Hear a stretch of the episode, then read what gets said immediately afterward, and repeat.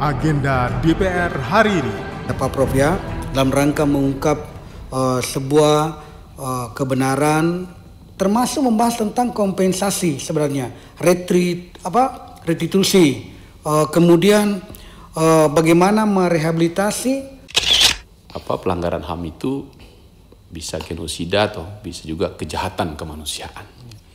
Contoh-contoh tadi dari luar banyak sekali disampaikan, tapi saya sepakat dengan Bung Beni Kaharman tadi, apa iya masih ada. Kembali Anda ikuti agenda DPR hari ini, Kamis 23 November 2023, bersama saya Doni Suprianto. Kita mulai dengan agenda pertama. Pada pukul 9.30, Ketua Badan Urusan Rumah Tangga DPR RI menerima audiensi di ruang Abdul Muiz. Pada pukul 10 waktu Indonesia Barat, Komisi 3 DPR RI menggelar fit and proper test calon hakim agung. Rapat dibuka oleh Ketua Komisi 3 Syahroni. Pada sesi pemaparan, mengemuka beberapa pertanyaan. Di antaranya adalah dari anggota Komisi 3, Supriyansa, dari fraksi Partai Golkar, yang menanyakan terkait rehabilitasi korban. Pak Prof ya, dalam rangka mengungkap uh, sebuah uh, kebenaran termasuk membahas tentang kompensasi sebenarnya. Retreat apa restitusi. Uh, kemudian uh, bagaimana merehabilitasi uh, korban sekaligus uh, kepada keluarganya misalnya. Nah, sedikit saya Prof, bisakah Pak Prof menyampaikan karena ini uh, disiarkan dilihat orang di luar bisa memberikan salah satu contoh bahwa KKR ini uh, berfungsi dan sudah ada yang uh, diselesaikan melalui pendekatan uh, Komisi Kebenaran dan Rekonsiliasi tadi itu. Kasus-kasus yang sudah diselesaikan dengan pendekatan KKR.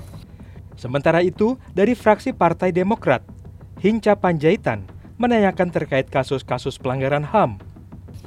Contoh-contoh tadi dari luar banyak sekali disampaikan, tapi saya sepakat dengan Bung Beni Kaharman tadi, apa iya masih ada.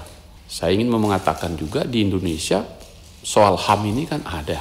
Dan kalau tadi kasus Paniai satu mungkin masih ada atau atau tidak. Tapi saya mau mengejar dari Pak Yuda adalah proses mengangkat persoalan pelanggaran HAM itu pada peristiwanya dan siapa pelakunya, bagaimana dilakukan kejahatan itu. Misal, jika korban itu ada 100 orang, 50 orang, atau bahkan satu orang, juga bisa termasuk pelanggaran HAM.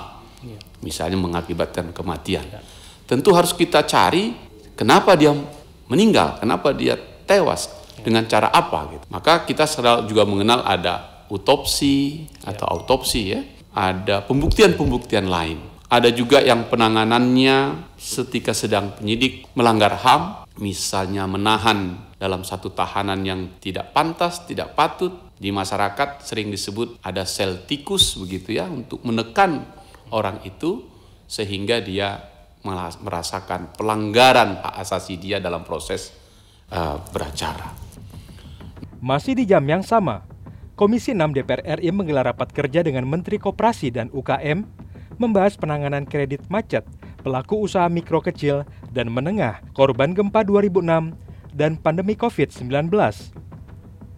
Sampailah kita pada agenda terakhir di hari ini, di mana Koordinatoriat Wartawan Parlemen bekerja sama dengan Biro Pemberitaan DPR RI menggelar diskusi dialektika demokrasi dengan tema menilik visi calon presiden 2024 tentang keberlangsungan lapangan kerja pada industri hasil tembakau yang akan dilaksanakan pada hari ini di ruang koordinatoriat wartawan parlemen dengan narasumber 1.